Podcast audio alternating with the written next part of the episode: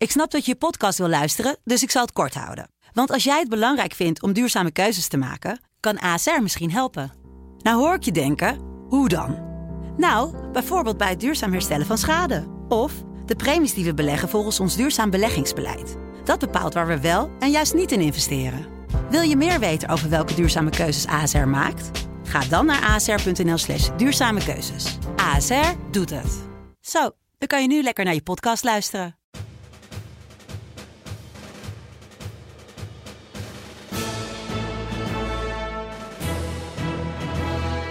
Dit is Delta Tango, de defensiepodcast van de Telegraaf. krijg ik straks de doodstraf omdat ik over dit soort dingen schrijf. Ja, je wil toch even weten waar je, waar je aan toe bent. Eh, je hebt groot gelijk. En welkom bij Delta Tango van deze week. Mijn naam is Olof van Jolen. Het is elk jaar een belangrijk moment voor iedereen die wil weten hoe veilig ons land is. De presentatie van het AIVD-jaarverslag. Afgelopen maandag gaf directeur Erik Akerboom tekst en uitleg over 2022. En dat deed hij in opmerkelijk harde bewoordingen. Reden genoeg om daar vandaag in Delta Tango over door te praten. En dat doe ik natuurlijk met uh, Sylvan Schoonhoven, onze verslaggever inlichtingen en veiligheidsdiensten. Sylvan, jij was uh, bij de presentatie. Ik moest toch even schakelen uh, die dag, want hoe zwaar de boodschap ook vaak is in die jaarverslagen, het werd wel een beetje voorspelbaar de afgelopen jaren. Spionerende Chinezen op links, boze jihadisten op rechts, uh, daar ergens tussenin uh, nog wat, uh, wat, wat andere onverwacht volk. En daar ja, het waarbij, gehad, maar... waarbij de, de jihadisten zich eigenlijk steeds meer koest houden. Hè. De, de, afgelopen jaren is, ja. is de dreiging van de, die Nederlandse club jihadisten, ongeveer 500 man, man groot, die is redelijk stabiel en die worden zo onder de duim gehouden door alle controlerende maatregelen, dat ze niet zoveel kunnen ondernemen. Bovendien zijn er niet zoveel thema's waarop ze zich kunnen richten. Er is geen strijdgebied om naar uit te reizen. Er zijn geen aansprekende leiders. Ja, ze zijn je, onderling je, verdeeld. Kortom, je kon je verhaal bijna al dacht je al bijna te kunnen tikken. Ja. En toen werd het maandag en toen was het toch een beetje anders volgens mij. Nou, toen bleek het beeld toch wat zwartgalliger dan de voorgaande jaren, waarbij het allemaal redelijk overzichtelijk was. Nu leek het wel of de, of de dreiging echt van alle kanten kwam. Van links, van rechts. Er zijn anti-overheidsextremisten. Er zijn jihadisten die opeens toch weer zich laten gelden. Rusland, China. Nou, wat heb je al niet allemaal? Overal komt dreiging vandaan en je werd er niet vrolijk van. Ja, laten we proberen in, uh, in onze uh, aflevering van deze week uh, een beetje orde in de chaos te scheppen en ze stuk voor stuk langs te gaan ja, wat is nu die voornaamste dreiging? Als we daarmee in, in belangrijkheid zouden moeten beginnen. Nou ja, terug naar die, naar die jihadisten. Ik zei dat de Nederlandse jihad zien zich redelijk koest houdt. Daar is niet zo heel veel beweging. Slinkt misschien zelfs een beetje. Maar wat de IVD ziet is dat er vanuit het buitenland, meer preciezer gezegd vanuit Afghanistan, juist wel weer dreiging komt. Oh. En dat heeft ermee te maken dat Afghanistan toch weer een redelijk vrij speelveld is voor dit soort lieden behalve de Taliban, die we natuurlijk kennen in Afghanistan en Al-Qaeda daaraan gelieerd, zit daar ook een afdeling van de IS. En die afdeling die ligt constant overhoop met de Taliban en Al-Qaeda. Dat zijn rivalen. Maar ondanks die rivaliteit, die natuurlijk veel energie opslorpt, weten ze zich daar toch weer een beetje te herpakken. En Als je dan zegt... structuur te herbouwen. En dat levert risico op ja. voor ons in het Westen. En dus nee, ook voor ik, ons in Nederland. Ik, ik, probeer het een beetje te concretiseren voor mezelf. Wat merken wij van een zichzelf herpakkend IS in Afghanistan? Wat zou daar voor een dreiging wij spreken hier om de hoek uh, vanuit kunnen gaan? Nou, heel concreet, de kans op aanslagen wordt gewoon weer groter. En Hoezo? Dat, dat leidt men af sowieso aan uh, dat er meer inlichtingen zijn die gaan over takken van IS die hier actief zouden zijn. Mensen die daaraan geleerd zijn, die daarmee sympathiseren. En ook in het land zelf, Afghanistan zelf, zijn er tekenen dat die organisatie daar eigenlijk weer streeft naar een soort wapenfeit die willen zich weer laten zien. Zo van, we zijn er nog, of we zijn er weer, hoe je het bekijkt. En dat willen ze doen door, door een actie uh, in het Westen. En dan is Europa, ligt meer voor de hand dan de Verenigde Staten, zeggen experts. Kortom, de dreiging hier op zo'n grote georganiseerde aanslag met meerdere daders, die is voor het eerst in een aantal jaar weer gestegen. Dat is natuurlijk verontrustend, want we dachten eigenlijk van nou, daar zijn we voorlopig weer vanaf. Ja. We, we hebben bovendien andere dingen aan ons hoofd, heel veel andere dingen aan ons hoofd. Deze komt er dan ook nog eens een keertje bovenop. Ja, en als je dan toch daar nog even op verder inzoomt, zijn zij dan bang voor een, een dader van eigen bodem die zeggen, geïnspireerd wordt door een uh, uh, zich herpakkend IS? Of moet je dan denken aan iemand die bijvoorbeeld uh, vanuit Afghanistan hier naartoe komt, al dan niet via de vluchtelingenstromen? Wat is vooral waar ze naar aan denken? Ja, beide is natuurlijk mogelijk. Hè? Het kan zijn dat ze iemand hier aan het werk zetten om wat te gaan doen, of meerdere mensen aan het werk zetten om hier iets te gaan doen. Want zoals de dienst ook nog eens even vaststelt, een aanslag met meerdere daders is altijd eh, veel groter en bloediger dan de aanslagen zoals we die de afgelopen jaren hebben gezien, wat altijd eenlingen waren. Die eenlingen aanslagen die zijn altijd relatief beperkt. Maar als je zou vrezen voor iets in de orde van grootte van Parijs of Brussel, hè, Ja. waarbij honderden doden vielen. Dat is meteen wel wat bij mij nu dan, hè, als jij Ja. dit zegt, naar boven Ja. komt de Bataclan of, En- eh, of en eh, dat het vliegveld, uh, Zaventem. En dat waren de echte klassieke IS-aanslagen, waarbij meerdere daders op eenzelfde tijdstip op verschillende plekken in actie kwamen. Met eh, het grootst mogelijke geweld en als enige doel zoveel mogelijk slachtoffers maken. En zo'n scenario is natuurlijk een soort doemscenario waarvan we hopen dat we het nooit meer zullen zien. Maar de, de kans dat er weer zoiets in voorbereiding is, wordt door de inlichtingendiensten, niet alleen door de Nederlandse, maar ook door de buitenlandse, wel weer iets groter geacht. En nou, die zaken moeten dus heel goed in de gaten worden gehouden. Onder andere door te kijken naar van hè, welke Nederlandse uitvoerders zouden er kunnen zijn voor zo'n klus. Vorig jaar is eh, in het Limburgse Stijn is een man aangehouden die eh, wordt verdacht van het eh, voorbereiden van een terroristisch misdrijf. Ja. Hoe en wat weten we nog niet precies. Dat, dat gaan we binnenkort horen bij de eerste zittingen voor de rechtbank. Maar daar is dus, zou je kunnen zeggen, daar is dus iets in de kiem gesmoord. Wat nou, op een drama had kunnen uitlopen als de diensten er niet bovenop hadden, hadden gezeten. Dus ja, deze dreiging eh terug van weg geweest. Wordt weer groter dan die was. En dat is verontrustend. Toevallig volgens mij ben je ehm, vanochtend nog naar een rechtszitting geweest in een van de dossiers van de jihadbruiden. Ja. Wat is hun rol al dan niet in deze problematiek? Nou, dat was ook wel eigenlijk een verrassend punt waar we niet zoveel over hebben gehoord eh, in de nieuwstroom over dat AIVD-rapport. De dienst concludeert eigenlijk dat het risico van die terugkeerders, dan heb je het dus over de vrouwen, hè, de vrouwen die terugkeren, die eh, een paar jaar in detentie zitten, dan vrijkomen. Dat geldt voor een aantal van die vrouwen, die zijn inmiddels vrij. Je hebt ook een aantal mensen, eh, eh, mannelijke daders van terrorisme die in de, in de gevangenis hebben gezeten, die inmiddels weer vrij zijn. Ze zeggen, eigenlijk valt het risico van die lui, dat is op, dit moment niet meetbaar. Dat worden niet, zoals de dienst eerder had verondersteld, een soort rolmodellen of een soort helden die ja, een soort katalyserende werking zouden hebben op, op die organisatie, die dan weer tot bloei zou komen. Dat, dat valt tot nu toe mee. Dus dat is, een, dat is een meevaller.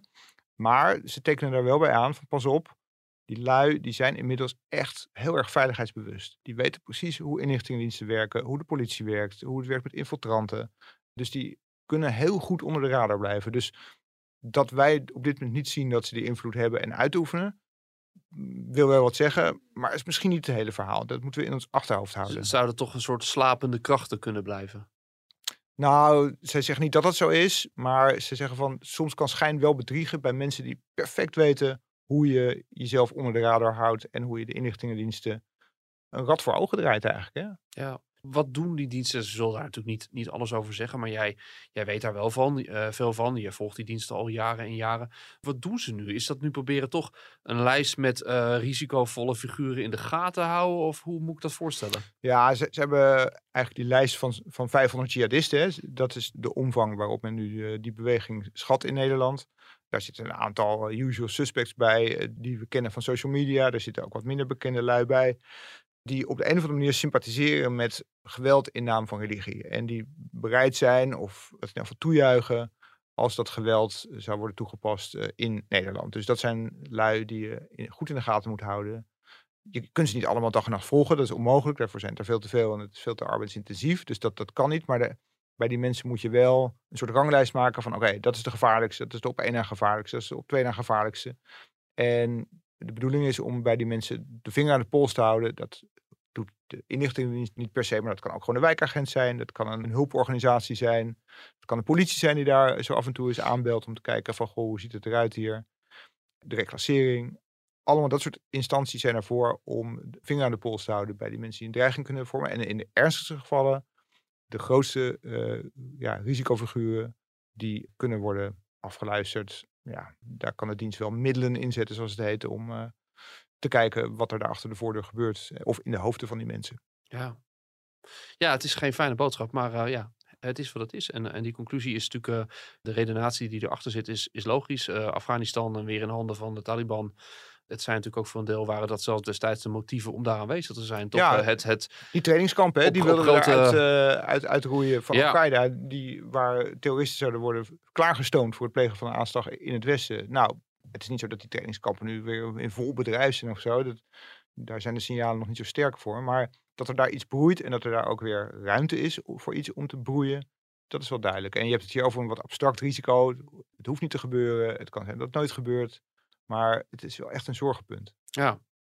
Ik stap over naar een volgend uh, punt wat mij opviel toen ik uh, jouw verhaal las en, en, wat andere uh, stukken erover las. 100.000 Nederlanders die geloven in een kwaadaardige elite. Als je het alleen al formuleert en, en dat probeert voor te stellen, dan, dan snap je dat dat een probleem is. Sowieso om te beginnen, hoe komen ze tot 100.000 man? Hoe weet je dat zo zeker? Nou ja, dat, getal van 100.000 was deze week groot in het nieuws. Hè. Overal iedereen pikte dat eruit. 100.000 Nederlanders geloven in complotten en in een, in een kwaadaardige macht achter de schermen. Ik dacht toen ik dat getal zag van 100.000 van nou, dat lijkt me aan aan de lage kant. Ik zou denken dat het veel meer mensen. Er is er ook onderzoek op dat dat spoor zitten. 1 op de 5 of zo vatbaar voor complottheorieën. Ja, nou ja, precies. Nou is het nog wel een soort verschil van of je in, uh, in complottheorieën gelooft. Of dat je echt denkt dat achter dat complot een grote wereldwijde samenzwering zit van uh, een al dan niet Joodse elite. Of Big Pharma, of een, een soort... Uh, het zijn de mensen die de cursus voor gevorderden hebben gevolgd. Nou ja, dan kom je in de, in de wat meer hardcore complottheoristen kom je dan terecht. En ik hoor dat veel om me heen, zie dat veel om me heen op sociale media. En mijn indruk zou zijn dat, dat eigenlijk wel meer mensen dan die 100.000 in die hoek wel verstikt zijn geraakt. Die dus echt denken dat er een groot plan achter zit. Dat Rutte of Kaag of Klaus Schwab van het uh, World Economic Forum. Of, allemaal, vooral allemaal in samenwerking, hè? Samen is het. Ja, nou ja, Bill Gates, dat soort mensen die worden geacht uh, dat ze de, de grote breinen zijn achter die wereldregering die het slecht heeft, voor heeft met de Nederlandse of Europese burger. En die ook uh, snode plannen heeft met, met die burgers, namelijk om ze te onderdrukken, om ze willoos of bezitloos te maken, om ze alles af te pakken, om ze tot slaaf te maken in feite. En, zo schrijft de dienst ook, sommigen geloven dat er een soort grote uitroeiing op komst is zelfs, waarbij dus het ultieme plan van die snode elite is om de bevolking te decimeren, als daar om ja. uit, te, uit te groeien. Nu zou je kunnen redeneren van, uh, ach ja, iedereen heeft, gek, uh, heeft recht op zijn eigen gekte en uh, wat maken we ons druk erom. Maar er zal toch een goede reden zijn dat een IVD bewust hiermee bezig is, want gaat er van die mensen echt een risico uit? Ja, nou, dat is een goede vraag. Want kijk, die mensen die dit geloven, die grijpen alles wat er misgaat in de wereld aan als van, kijk, zie je wel, dit is ook weer zo'n uitgedacht plannetje van die elite om ons uh, klein te krijgen. En dat was natuurlijk meest opvallend tijdens corona. Er waren heel veel mensen die geloofden dat corona bedacht was. Gefabriceerd in een laboratorium, uh, bewust overdreven. In elk geval dat het werd aangegrepen of gebruikt door die elite om de massa uh, allerlei maatregelen op te drukken. Nou ja, en dat was niet zo moeilijk om op die gedachte te komen, want er zijn ongekende dingen gebeurd. Vrijheidsinperkende maatregelen, ja. Ja, dat, dat, dat waren we niet gewend. Dat was nooit, nooit eerder voorgekomen. Dat paste prachtig in dat denkraam. En dat heeft enorm versterkt. Nou, is inmiddels corona is voorbij. Dus je zou zeggen van nou, dat neemt die, die mensen alle wind uit de zeilen. Maar dat is niet zo. Want er dienen zich weer nieuwe crises aan. En ook daarvan wordt door die complotdenkers uh, wordt daarvan gezegd van hè, stikstofcrisis, oorlog in Oekraïne. Dat zijn allemaal niet echte nieuwsfeiten. Maar dat zijn bedachte constructies om ons weer nieuwe maatregelen door de strot te duwen. Zodat we uiteindelijk toch nog worden geknecht. Ja. En het grote plan op de lange termijn toch binnen bereik komt. Nou, wat is daarvan het gevaar? Hè?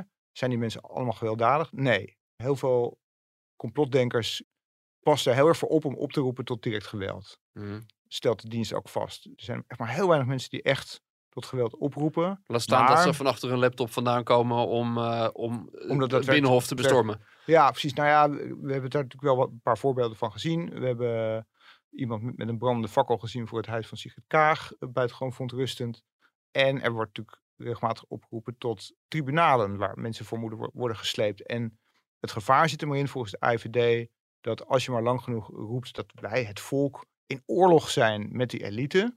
En dat wie meewerkt met de oorlog in feite een collaborateur is, een NSB'er, een landverrader. Ja. Ik kreeg zelf zo'n zo'n bericht van een meneer die zei van ja, het is goed dat wij volgen wat jij, wat jij doet en schrijft en zegt, uh, want dan wordt alles vastgelegd. Voor later zullen we maar zeggen. En met dat voor later zullen we maar zeggen, dat is, dat is ja, iedereen snapt wat hij daarmee bedoelt, want het is een vaak gebruikte formulering. Daarmee wordt gedoeld op een aanstaand tribunaal waarbij iedereen die heeft meegewerkt aan die overheid die al deze dingen plant en uitvoert, dat die vroeg of laat voor zo'n ja, volkstribunaal moet verschijnen. En ja, daar kun je je van alles bij voorstellen. Nee, ik, ik, ik daar lach worden erom, geen taakstraffen ik, ik, uitgedeeld. ik lach erom. en daar zit hem dus dat gevaar in. Ja, ik lach erom, maar het is eigenlijk natuurlijk eh, afschuwelijk. En eh, het enge is natuurlijk van, eh, denk ik, de redenatie volgend van de IVD. Ja, je hoeft maar één ehm, eh, gek te hebben die helemaal doordraait. En die wie wel de daad bij het woord voegt. En Nou, denkt, ik ga alvast, ik neem mijn maatregelen. En dan is het, dan is natuurlijk heel Als vervelend. mensen zich zo'n zo'n verzetstrijder voelen in een soort oorlog waarbij Ja. ze het opnemen tegen een soort nazi-achtige regering, dan is het geweld gewoon geoorloofd. En ik heb die meneer die, die mij dat, dat bericht heeft gestuurd, heb ik opgebeld. Oké, Om hem eens te vragen van, goh, eh, wat bedoelt hij nou met van, voor later zullen we maar zeggen. Doet hij daar nou mee van eh, dat ik voor het tribunaal moet komen of dat ik worden berecht? Ja, zei hij. Dat is. Nou, jij moest worden berecht? Hij vond inderdaad dat iedereen die samenwerkte met, met het regime, dat die eh, nou, voor een rechtbank moest komen. Ik zei van ja, maar dat wordt natuurlijk geen gewone rechtbank, want eh, rechters die vertrouwen jullie niet. Nee, die, die klopt, deel uit van het grote Klopt, complot. ja, klopt. Nee, klopt, zei hij. Dat wordt dan een andere soort, soort rechtbank. En eh, ja, daar, daar zullen ook straffen worden uitgedeeld aan mensen die inderdaad blijken te hebben gecollaboreerd. En ik vroeg me ook van, is geweld nou in, in uw ogen, is, is dat toegestaan? Of zijn doodstraffen nou, nou toegestaan hè, voor, voor zo'n tribunaal? Krijg ik straks de doodstraf omdat ik over dit soort dingen schrijf? Ja, Ja, je wilt toch even weten waar je, waar je aan toe bent. Eh, je hebt groot gelijk. Hij moest er even over nadenken en hij, hij mailde me later terug van, de vraag is omdraaien. Waar ligt voor jou de grens? Zou jij in de Tweede Wereldoorlog als verzetstrijder zijn opgestaan om bijvoorbeeld verraders te liquideren? Nou, dat zegt, dat zegt genoeg, toch? Ik ben er even stil van. Dat je het referentiekader überhaupt... Ja, eh, maar daarmee hebt. zeg je dus eigenlijk van, ik eigen mezelf eigenlijk het recht toe om Ja. die collaborateurs in mijn ogen, om die een kopje kleiner te maken. Ik, zeg niet dat hij dat letterlijk zou Nee, nee, gaan nee, nee, doen. nee, maar, maar het, het, het is al heel eng om vast te stellen dat mensen deze denktrand Ja. hebben en, en dus zo in het konijnenhol verdwenen zijn dat zij een situatie van Nazi-Duitsland, wat ons land had bezet, en systematisch eh, Joodse Nederlanders eh, afvoerden en, en vermoorden, Ja. dat je dat vergelijkt met een regering, coalitieregering die probeert Ja, zij- bloemetjes eh, te besparen voor de stikstof. eh, de- ja, Ja. ja, daar moet je... Maar zij denken dus van, ja, die regering lijkt inderdaad heel vriendelijk, maar die, die roeit mensen uit met een vaccin, wat in feite de ene oversterftepiek naar de andere veroorzaakt. En daar, daar lees je niet over, want daar mogen mensen zoals jij en ik, verslaggevers van de mainstream media, niet over schrijven. Dus dat is wel degelijk een tyranniek regime waar je desnoods met geweld tegen moet verzetten. Dat is een soort burgerplicht. Wat, wat, wat kan de AIVD hiermee? Wat kunnen ze hier tegen doen? Anders dan dat ze het nu doen, signaleren van dat ze zich zorgen maken. de IVD kan en mag en wil ook niet veranderen wat er in mensen hun hoofd gebeurt. Hè. Daar zijn ze niet voor. Ze zijn er alleen voor om dreigingen voor de democratische rechtse orde tijdig te onderkennen, zodat politie en justitie daar iets tegen kunnen doen. De IVD doet daar niet iets tegen. Maar zij, zij kunnen dus wel signaleren van oké, dit is een trend die als hij maar lang genoeg doorzet, wel het weefsel van de samenleving kan aantonen. Dat, dat, dat wantrouwen dat bij steeds meer mensen woekert, Ja, niet alleen tegen de overheid, maar ook tegen ons media, tegen de, rechts, tegen de rechtbank, tegen de wetenschap, tegen de universiteiten. Als je alles wantrouwt, dan, dan scheurt dat weefsel van die maatschappij op een gegeven moment uit elkaar. En dan heb je geen maatschappij meer. En dan, dan ligt chaos en eh, wanorde ligt natuurlijk op de loer. En dat is met name ook een probleem, omdat deze groep mensen heel goed is in het onmiddellijk omarmen van nieuwe thema's die zich aandienen ja of, of het... om of, daarvan te zeggen, kijk, hier hebben we weer wel. een voorbeeld. Ja, hè. precies. Eh, En als- Stikstof, stikstof is bedoeld om de boeren uit te roeien. Ja, als er morgen iets, nou, sterker nog, valt me op iets anders dat gebeurt, ze zijn ook meesters. Ze zijn ook meesters dat als er niet iets actueels is, dat ze weer even teruggrijpen op de golden oldies. Eh 9-11 wat niet heeft plaatsgehad op deze manier. De maanlanding die nep was. Hè. We hebben het laatst toch Ja, een zeker. invloedrijk figuur als eh, Jan Dino, die, daar, die daar een uitspraak over denkt te moeten doen in een podcast. En Thierry Baudet, die heeft het ook gezegd. ja, dus het is, hij de ehm, maanlanding... Het is een algeheel klimaat van, van, van wantrouwen, van alles in, in twijfel trekken. ja. Je zegt dat goed, eh, dat is natuurlijk niet aan de IVD, maar je zou ook denken dat dit ook wel een niet mis te verstaande signaal richting eh, bijvoorbeeld wel het kabinet is. Van joh, luister, er zijn eh, heel veel mensen die wantrouwen hebben. Hier moet je wat mee, want het- is toch een, een stevige stroming in de samenleving die hier Ja, mee bezig is. Die ook op, op de lange termijn dus een risico blijft vormen volgens de dienst. Omdat ze zo makkelijk nieuwe thema's omarmen als van kijk, hier heb je weer nieuw bewijs dat die Ah. overheid niet deugt. En wat natuurlijk niet helpt is dat het kabinet te kampen heeft met zaken als de toeslagenaffaire of de afhandeling van de aardbevingsschade in Groningen. allemaal die misschien geen schoonheidsprijs verdienen. En die ook door deze mensen worden naar voren geschoven als van kijk, Zie je wel. je ziet zie toch, je wel. je ja. ziet toch wat er gebeurt, wat deze Ja. regering allemaal doet. Ja. Maar dit is maar het topje van de ijsberg. Want daaronder zit er nog een zit nog veel meer kwaad wat de regering ons voorschotelt. En dat kan op lange termijn niet goed gaan. Nu zie je natuurlijk ook dat, eh, dat er specifieke groepen zijn die zich heel erg eh, uitspreken, die zichtbaar zijn. Het interessante wa- wat ik ervan begreep is dat je eigenlijk een groep waarin weliswaar zware woorden vallen, dat die volgens de AIVD niet zo, eh, dat je daar niet zo zorgen over hoeft te maken. De, bijvoorbeeld Extinction Rebellion, de klimaatactivisten, die gebruiken af en toe ook wel eens formuleringen waarvan je denkt, nou is dat dan zo handig? hè? Klimaat eh, verandert massamoord. Maar goed, de weging van de AIVD is, wat ik begrijp, niet eh, dat Nee. dit de mensen zijn die straks voor de volgende aanslag gaan zorgen. Nee, klopt. Ze, ze worden wel genoemd in het jaarverslag, maar dan eigenlijk in positieve zin zou je kunnen zeggen. Namelijk als een groep waar meer extreme klimaatactivisten zich tegen afzetten. Als van ja, die zijn veel te soft, want die blijven binnen de grenzen van de burgerlijke ongehoorzaamheid. Ja, Ja, eh, zo gaan we er niet komen. Er zijn hardere acties nodig dan wat Extinction Rebellion doet. Een beetje ja, met spandoeken zwaaien op verboden terreinen op een vliegbasis en je vastketen aan een privéjet. Ja, dat, daar gaan we eh, de oorlog niet meer winnen. Dus er is een groep radicale activisten. En En eh, daar is moeten dat... we ons meer zorgen over maken. eh, Volgens precies, daar hebben we meteen een mooi bruggetje. Is dat wel een, een, categorie mensen waar de diensten zich meer druk over maken? Ja, want ik had het net over dat, dat de dreiging van alle kanten komt. Voorgaande jaren was eigenlijk altijd het verhaal van, nou ja, er is op links, er zijn eigenlijk geen grote thema's. En ehm, ja, gewelddadige actie is daar niet zo aan de orde. En dit jaar is het toch wel anders. Dit jaar noemt de AIVD ook een groep met name. Dat is een groep rond de aloude mensen die geen gezag accepteren, ofwel eh, de anarchisten. Hm, ik krijg daar- een enorme jaren zeventig vibe, krijg Ja, ik. daar, precies. Ze zijn ook weer terug van weg geweest, zou je zeggen. Er is een aantrekkingskracht gaat eruit van die anarchisten. Met name vanuit jonge vrouwen uit de stad, zeggen ze. Oké, Want dat heeft te maken met het feit dat feminisme onder die groep populair is. En feminisme heeft een soort belangstelling, interesse, sympathie voor het anarchisme, omdat het ingaat tegen het patriarchaat. Dus de overheersing van de witte man ja. feministen zijn er tegen. Dan kom je uit bij het anarchisme, want die verwerpt al die machtsstructuren die er in de samenleving zijn. En ehm, de hiërarchie die moet worden verworpen. Daarom is daar veel belangstelling voor, marxisme, anarchisme. En daar zit een soort onderstroom in, en die is, die is klein hoor, die is misschien enkele tientallen mensen groot. Van anarchisten die bereid zijn ook om geweld te gebruiken, om militante, gewelddadige acties te plegen. En dat is ook weer een, weer een nieuw element in dat dreigingsbeeld dat de IVD schetst. Want die hebben we vorige jaren nog niet zien opduiken. Is, is er iets substantieels al van geweest? Hebben die iets concreets gedaan of acties aangekondigd? is er niet, iemand niet in? Nederland, niet in Nederland, eh, maar zegt de IVD in het buitenland wel. Dus er zijn harde acties geweest, eh, overvallen, bankovervallen eh, in Bratislava, in Duitsland. Daar zijn wel gewelddadige acties gepleegd door dit soort groepen.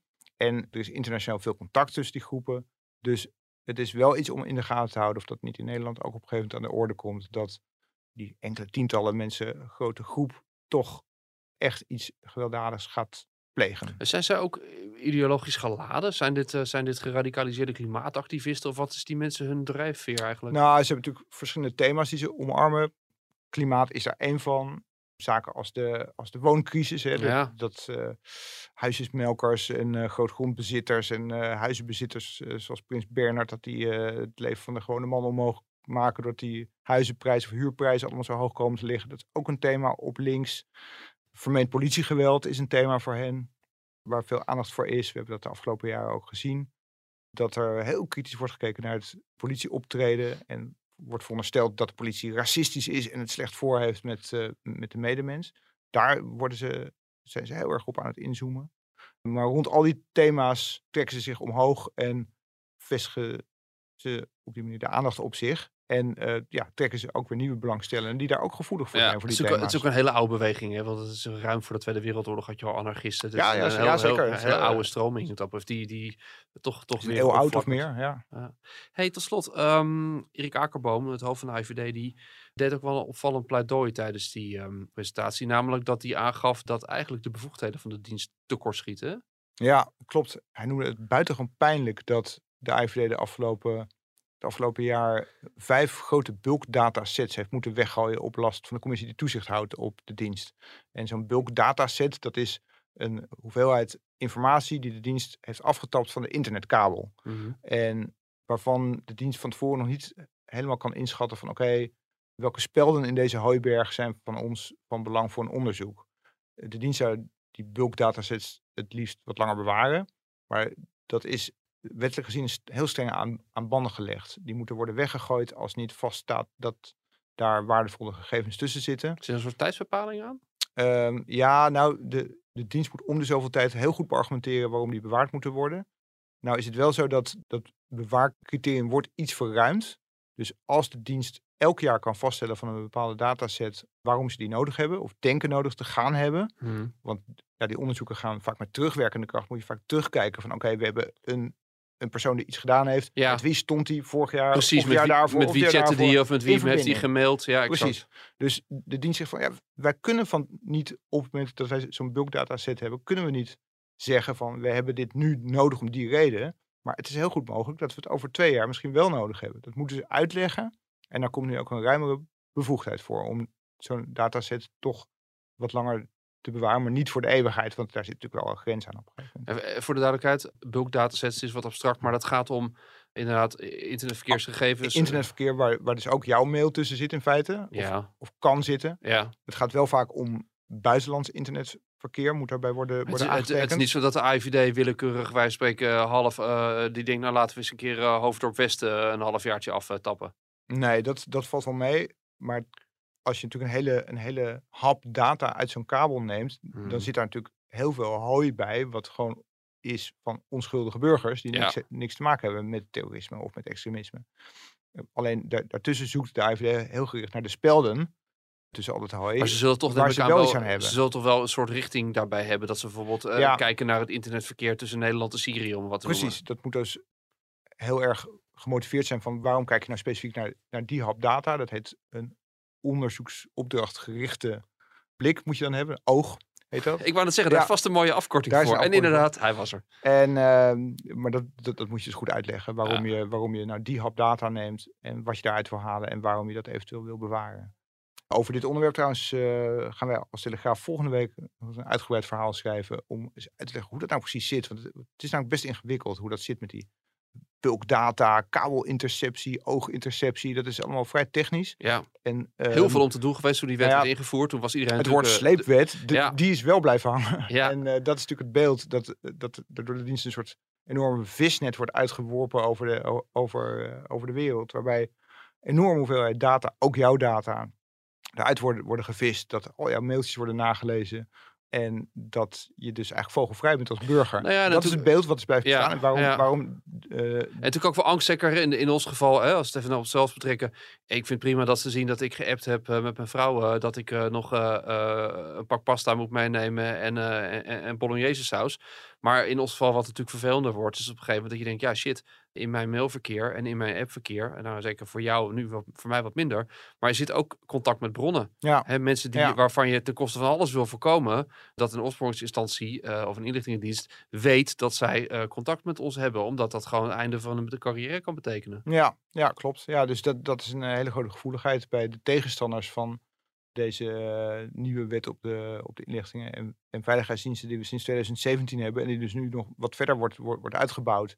Maar waarop wel toezicht is door een toezichtscommissie die in de gaten houdt van oké, dienst, je wil nu dit doen, je bent nu dit aan het onderzoeken, je hebt deze data, wat doe je daarmee? En dat kan real-time worden gevolgd door zo'n toezichtscommissie. Dus Ja. dat is allemaal wel georganiseerd hoe zo'n commissie op enig moment ook gewoon ho kan zeggen van stop, stop hiermee, dit leidt nergens toe, hier worden burgerrechten geschonden, doe het maar op, op een andere manier. Ja. Nou, ik ben eh, heel benieuwd. Hierover is, eh, eh, volgende week waarschijnlijk meer. zeker. Nou, dat, ik ga het met belangstelling lezen.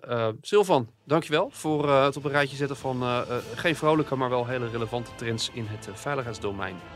Dit was Delta Tango voor deze week. We hopen dat je met plezier hebt geluisterd. Als dat zo is, laat het ons weten door een recensie achter te laten of je te abonneren op de podcast op een van de platforms.